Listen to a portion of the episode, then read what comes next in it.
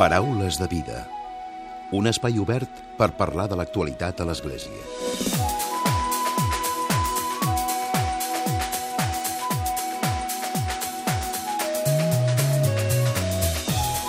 Què tal? Salutacions i molt bon dia, molt bon diumenge. La prosa de la vida és el segon volum dels fragments filosòfics de Joan Carles Mèlic, que edita Fragment Editorial. El primer volum va ser la lectura com a pregària que ell mateix ens va presentar aquí al Paraules de Vida i avui torna per parlar d'aquest nou treball en què ens proposa reflexionar sobre l'ésser humà i la seva condició contingent, diu, incerta i finita a través la filosofia literària. Són petits pensaments, fragments que parlen de la vida, d'escenaris en constant formació, transformació, diu, i de formació. El professor Joan Carles Mèlic es dedica fa 15 anys a elaborar una filosofia antropològica de la finitud en les seves diverses expressions com el cos, els símbols, l'alteritat, la memòria, el desig, la contingència, el silenci i la mort.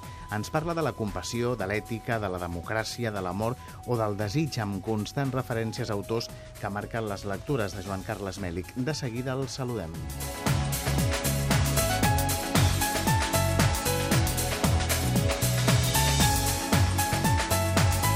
Com sempre, a la recta final del Paraules arribarà un nou comentari de l'actualitat de Francesc Romeu. Comencem.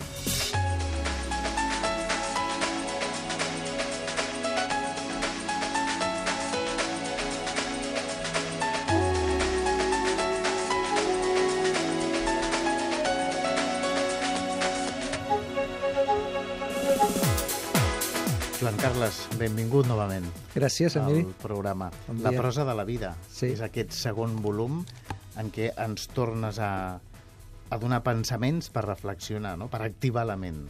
Sí, sempre m'ha interessat una filosofia que està més preocupada per les preguntes i no tant per les respostes.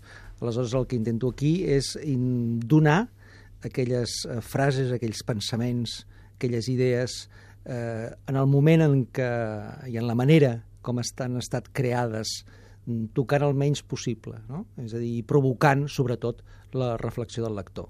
Un llibre, el segon, en què la religió, les reflexions eh, que tenen com a rerefons la religió és més present que en l'anterior. Sí, jo crec que molt més present. Jo crec que molt més present. Fins ara, mm, abans de, dels fragments filosòfics, el tema religiós sempre, lògicament, m'havia interessat, però no l'havia escrit, no l'havia treballat. L'havia pensat, però no l'havia escrit. I ja en els fragments, en els primers fragments, la lectura com a pregària, doncs apareixia la idea de la, de la religió. I en aquest segon hi és molt més present, hi han referències explícites, sobretot al, al Nou Testament. Jo, jo considero que sóc un, un lector dels textos eh, eh, evangèlics i dels textos en general, dels textos religiosos mm, bíblics, em refereixo. No? Eh, jo sempre explico que de petit tenia un còmic que, que, que intentava, que explicava amb, amb dibuixos, no? un còmic, l'Antic Testament, i aleshores doncs, vaig aprendre moltes coses gràcies a llegir còmics de la Bíblia. Uh -huh. I ara m'agrada molt llegir el Nou Testament, sí. Quan et pregunten com et defineixes, eh, ho dius d'una manera molt, Sí. molt peculiar. Sí, i- sóc eh, eh, metafísicament agnòstic i èticament cristià. Clar, perquè la gent diu, escolti, vostè és creient o és, eh, o és agnòstic o és ateu o què és vostè, no? I aleshores això m'ho havien preguntat molt quan vaig fer la primera, la primera part dels fragments. I, en, i jo deia aquesta frase, finalment se'm va ocórrer dir-ho així. Però mai l'havia escrit i, i aquesta vegada ho he fet, no? I em llenço a la piscina i dic, miri, sóc metafísicament agnòstic i èticament cristià. Clar que la gent pot pensar, i com és, no? Què vol dir això, Clar. no? Què vol dir? Bé, metafísicament agnòstic vol dir que, miri, jo mm, no crec en un primer motor, per exemple, no crec en un Déu creador, no sóc creacionista, eh? Eh, més aviat m'inclinaria per una mena de darwinisme, eh? no social, però un darwinisme, eh, i crec, m'agradaria pensar d'una altra manera, però crec que, per desgràcia, això que s'acabarà aquí. Eh, jo, si s'ha de Que no, signar... ha- no hi haurà continuació. No hi haurà continuïtat més enllà de la mort, mm, per desgràcia. Crec que no hi haurà res. Tu em preguntes què creus i diré, home, jo ara ho signo, no? Només faltaria. Però més aviat penso que això s'acaba aquí. Per tant, la idea metafísica de la religió, una vida després de la mort, sóc agnòstic. És a dir, mm, no sé el que passarà i m'inclino a pensar que probablement no passarà, a dir, que de la mateixa manera que no existim abans, no existirem després. Uh -huh. Ara, sóc èticament cristià. Què vol dir èticament cristià? Doncs jo crec que la gran importància del cristianisme, especialment del Nou Testament, i del Jesús literari, perquè hi ha un altre fragment que dic, a mi no m'interessa ni el Jesús històric, ni el Jesús de la fe, el Jesús literari, que això ningú m'ho pot negar. És a dir, que algú pugui negar el Jesús de la fe, ho pot, pot negar, no? El Jesús, eh, però el Jesús literari, el Jesús com a personatge literari... Que, que existeix no? en el... Que existeix sí, en un relat, no? aquella figura que existeix en un relat, jo crec que és eh, un gran eh, mestre, diguem-ne, des d'un punt de vista ètic. No? És a dir, mm, la base del, de la religió, i en concret del cristianisme, doncs és, per exemple, la compassió. No la pietat, la compassió. O, per exemple, el perdó. Uh -huh. eh? O, per exemple, la, la, el preocupar-te per l'altre, en definitiva. No? Jo crec que aquest és, això és el que ens... Déu és, en un dels fragments, la relació amb l'altre. Això és el que apareix a Mateu 25, 31, ara parlo de memòria. No? Eh, en aquell moment, el dia del judici final, quan eh, Déu diu anireu a l'infern perquè vaig tenir gana, en veu donar de menjar, vaig tenir... On és Déu? Déu és la relació amb l'altre. Jo crec, o Déu és el samarità. Déu és la relació compassiva amb l'home ferit en aquest Déu hi crec. Un Déu que ens diu, escolta, no es tracta d'anar a missa, eh? es tracta de fer-te càrrec de l'altre que pateix. De demostrar-ho en el dia a dia, no? Sí, Exacte. això mateix. Mm -hmm. Eh, Joan Carles, parles, dius que t'interessa la vida finita, contingent i sense veritats absolutes, que és una mica el que, sí. el que podem deduir ara, no? Sí, perquè a vegades es diu que el gran problema del nostre temps és que tot és relatiu, no? que tot és relatiu. Eh, jo crec que el relativisme pot ser un problema, jo més aviat em definiria com a perspectivista, és a dir, que sempre estem en situacions, sempre estem en relacions, i em sembla que el gran problema del nostre temps més aviat és l'absolutisme, en creure en veritats absolutes.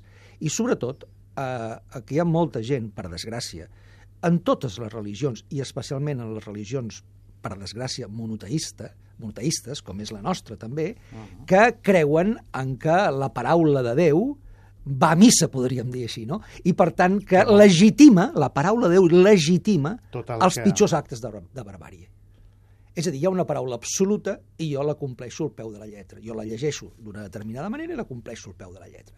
Eh, a mi això és el que em preocupa, el fanatisme religiós. I el fanatisme religiós no és el resultat d'un perspectivisme. És a dir, home, jo ho veig des d'aquest punt de vista. Perspectivisme no vol dir que tot valgui igual sinó que tot a vegades depèn de la situació i de la manera en la que tu mires. No, no hi ha respostes absolutes, que les respostes depenen de les circumstàncies. I això a molta gent li fa por. A mi no, a mi al contrari. És a dir, crec que, que aquest és un bon missatge també evangèlic, no? Jo estic fascinat per la figura de, de, de, de, literària de Jesús de Nazaret, en general. Eh? Els metafísics no suporten la vida Sí. Això és una de les frases Els que... Els metafísics no suporten la vida perquè justament el que fan és negar el temps. La metafísica, des dels grecs, sobretot des de Parmènides, des de Plató, què és el món de les idees? El món de les idees és un intent de trobar principis absoluts, i si hi ha principis absoluts vol dir que es nega el temps, que els nega el canvi, les transformacions... Tothom ha, ha llegit o li han explicat, perquè si no ho ha estudiat al batxillerat, doncs li han explicat alguna vegada eh, el mite de la caverna, no? Eh, o per exemple amb el Merlí doncs, hem recuperat el mite de la caverna, oi? Exacte. Doncs la metafísica situaria a fora de la caverna, la llum del sol. Eh? La meta els metafísics creuen que hi ha una llum, que és el sol, que ens diu el que està bé i el que està malament, el que és bonic i el que és lleig, el que és veritat i el que és mentida. En canvi, jo em situaria, la prosa de la vida és la prosa d'una altra llum que apareix al mite de la caverna, que és el foc, aquella llum del foc que està baix, i les ombres, eh? Les ombres. Per això la, la coberta preciosa del llibre sí. es veu aquesta ombra caminant doncs, per un carrer eh, ple bordes, no? que això és la filosofia fragmentària, i un dels últims fragments justament és aquella frase amb la qual eh, acaba, no acaba del tot, però ja acaba al final del Macbeth de, de Shakespeare, no? quan diu la vida és una ombra que camina. Uh -huh. Penso que és una definició extraordinària, no? que no significa res la vida és una ombra que camina, un prou actor, etc etc, eh? que no significa res. Uh -huh. És a dir, no hi ha un sentit en majúscules per mi, sinó que a cada moment de la nostra vida ens hem d'inventar un sentit sempre en relació amb els altres. Uh -huh. Si parlem de les característiques del llibre, perquè els oients també ho puguin entendre, és un llibre més eh, diguéssim, més petit, Sí. és un llibre còmode de llegir, són, hi ha les reflexions, també amb les referències Sí. no, d'autors que, és que- que propicien aquella reflexió. Exacte. Jo, jo sempre he volgut dir que eh, jo no pretenc cap mena d'originalitat, eh, que el que faig en els meus llibres, i especialment en aquests, no, de forma molt explícita, és mm, reconèixer que hi ha determinats eh, autors, determinats mestres, pensadors, eh, antropòlegs, escriptors, sobretot escriptors, no? músics també, o artistes, oi? que, que m'ajuden a pensar. I en molts casos, jo poso una nota perquè el lector ho sàpiga també, jo Per no vull amagar. contextualització, Sí, no? és a dir, llegint, eh, llegint fulano de tal, o a vegades fins i tot poso alguna cita que tant de bo que, que millor serveix perquè algú pugui dir ah, doncs jo aquest llibre no l'havia llegit, m'agrada i allà ara el llegiré. Exacte. No? Uh -huh. Amb això ja em donaria per satisfet. A mi em sedueix quan parles de la figura del seductor. Ah, sí. Explica'ns, parla, Sí, sí, parla sí. explica-ho als oients. També. No, no, clar, és que el, el seductor sempre... A mi m'interessa molt l'ambigüitat. És a dir, eh, els oients han de saber que un dels meus mestres és Lluís Duc, no? monjo de Montserrat, Lluís Duc, i eh, per, per Duc eh, l'ésser humà és un ésser ambigu. Llavors la figura del seductor té aquesta ambigüitat, no? D'una vegada el seductor és una persona que t'enganya, realment et sedueix algú que t'enganya, no? Però d'una altra banda, què seria la vida sense la seducció? Què seria un mestre que no et sedueix realment? És a dir, que, que et deixa allà pensant, que t'encanta anar a classe. Jo crec que els grans mestres són aquells que també et sedueixen. Ara, no poden seduir-te fins al punt de que eh, realment et treguin la teva manera de pensar, no? Per tant, mm, el seductor és una figura molt interessant que jo crec que s'ha demonitzat o s'ha valorat sempre en termes absoluts. I, en canvi, jo reivindicaria aquesta dimensió ombrívola, tota l'estona és l'ombra, no? La dimensió ombrívola de la seducció. Se'ns acaba el temps, però abans de- d'acabar sí que vull que parlem també d'una altra qüestió, de l'educació, que també en parles. I Sí. tu com a, com a docent, com a, com a Sí. professor, dius el que no respon les preguntes ha aprovat l'examen. Sí, això no? està pensat a partir d'un conte de Kafka, no? que Kafka és un dels meus grans referents, com tu saps. Eh, hi ha un conte de Kafka que es diu L'examen, justament. Sí. I llavors hi ha un examen que algú no contesta les preguntes, és a dir, com, com si trobessis amb un alumne que et deixes l'examen en blanc i aleshores l'altre diu, doncs vostè ha aprovat, precisament. És a dir, aquesta necessitat de tenir, eh, de trobar respostes però no respostes mm, provisionals, no, respostes absolutes. És de nou el fanatisme, no? de nou la metafísica.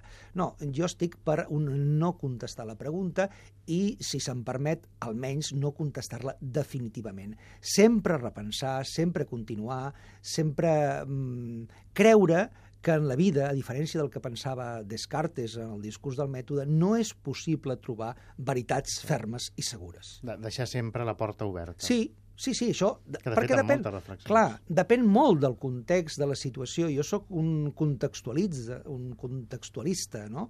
podríem dir, és a dir, algú que creu que l'ésser humà sempre viu en un temps, en un espai, en una situació, en una relació, i això és el que impedeix que es puguin trobar doncs, principis absoluts que ens diguin què és el que hem de fer per poder viure. Uh -huh. Doncs avui sempre se'ns fa curt el temps, Sí. Joan Carles. Bueno, però ha estat molt bé. Avui hem, hem volgut acostar als oients del Paraules de Vida aquest segon llibre, aquest segon volum de, de Joan Carles Mèlic, Els fragments filosòfics, la prosa de la vida. Gràcies per haver-nos acompanyat. A vosaltres. Que vagi molt bé. Bon dia. Paraules de vida. Un espai obert per parlar de l'actualitat a l'Església. I tot seguit arriba el comentari de l'actualitat de Francesc Romeu. Francesc, molt bon dia. Molt bon dia a tothom. Aquesta setmana ha estat una de les setmanes més fredes dels darrers anys, on gairebé a tot Catalunya s'han assolit unes temperatures bastant inferiors als 0 graus. La nit del dimarts al dimecres no hi va haver cap localitat catalana que passés la nit per sobre dels 0 graus, ni tan sols la sempre tan càlida costa catalana. A la costa de la comunitat valenciana fins i tot s'hi va fer present la neu arran de mar. En moltes converses aquests dies era recurrent parlar de dues realitats, una de propera i una altra de llunyana.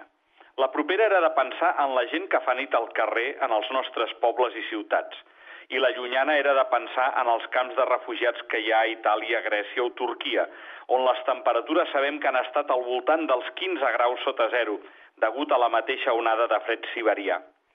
Si per una banda la realitat d'aquests col·lectius ja és ben trista i massa sovint oblidada, també és per altra banda ens podem referir avui a una bona notícia, que són les múltiples iniciatives que han sorgit aquests dies per poder resguardar una mica més aquests col·lectius. La primera és la que s'ha suggerit des de la comunitat de Santa Giri, mentre es duri el fred, proposant-se de sortir diàriament a portar mantes i begudes calentes a les persones sense sostre. Des d'aquest col·lectiu s'ha fet una crida extraordinària als ciutadans a portar mantes, termos i sacs de dormir durant aquesta setmana per tal que no quedi cap persona desemparada davant d'aquesta violència que també és el fred. El servei que setmanalment ja fa la comunitat de Santa Giri anant a trobar al carrer les persones sense sostre s'ha incrementat aquesta setmana com a conseqüència del fred. I no només ho han fet ells, sinó que Sant Egidi convida també a tothom a fer aquest gest simple i humà de portar a títol personal una manta o una beguda calenta al sense sostre que tinguem sota casa nostra. Una manta, ens diuen ells, pot salvar una vida i pot ser una porta que ens pot dur a fer amistat amb algú que se sent exclòs. La gran solidaritat viscuda per Nadal, quan en col·laboració amb molts voluntaris es van fer els dinars amb els pobres promoguts per la comunitat de Santa Giri, va involucrar més de 2.000 persones. Això demostra que la solidaritat que es vol construir una societat molt més humana, això va creixent.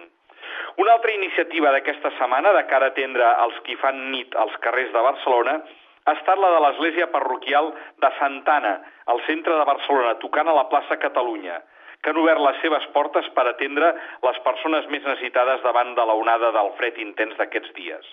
Al llarg de tot el dia i fins aquest diumenge, però si calgués es prolongaria el servei, s'han habilitat un total de 12 llits a la sala capitular.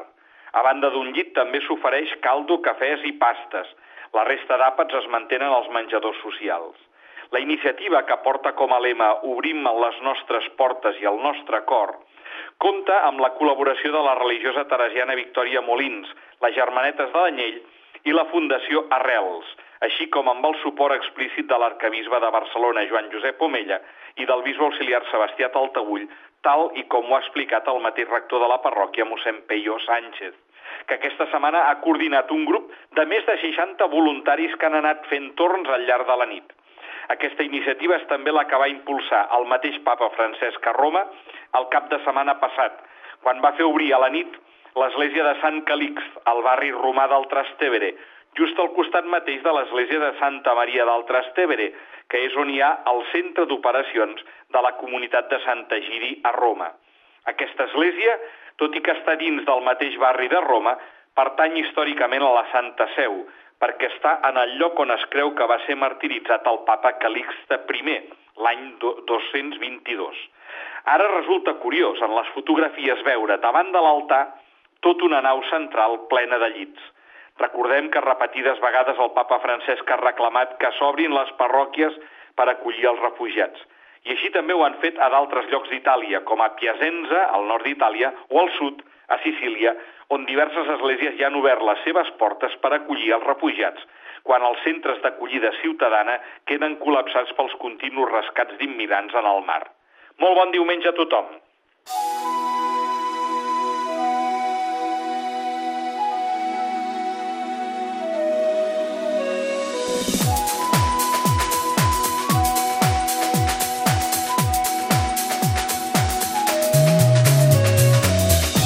Aquí el Paraules de Vida d'aquesta setmana i d'aquest diumenge. En Josep Maria Campillo ha estat el control tècnic i qui us ha parlat l'Emili Pacheco. Que passeu bon diumenge i una molt bona setmana. Adéu-siau. Us oferim la carta dominical de l'arcabisbe de Barcelona, Joan Josep Omella.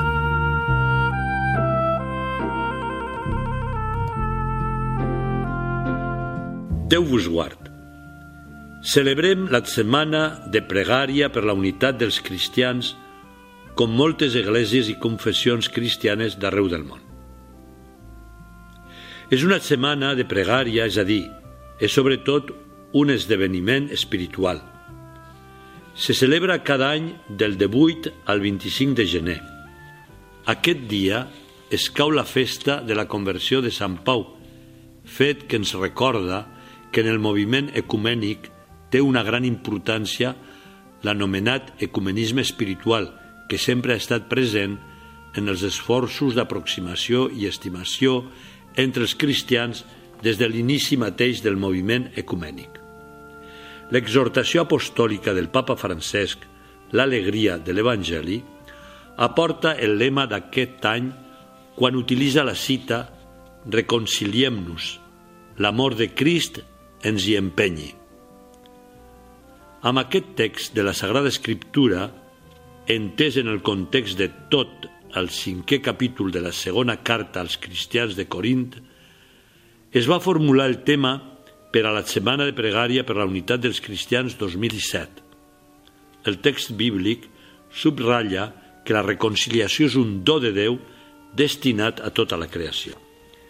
En un altre document apostòlic recent, la seva carta La miserable i la misericòrdia, el Sant Pare esmenta la reconciliació referint-se a la necessitat que aquest sagrament torni a trobar el seu lloc central en la vida cristiana. Per això es requereixen sacerdots que posin la seva vida al servei del ministeri de la reconciliació, perquè a ningú que s'hagi penedit sincerament se li impedeixi d'accedir a l'amor del Pare que espera el seu retorn i s'ofereixi a tothom la possibilitat d'experimentar la força alliberadora del perdó.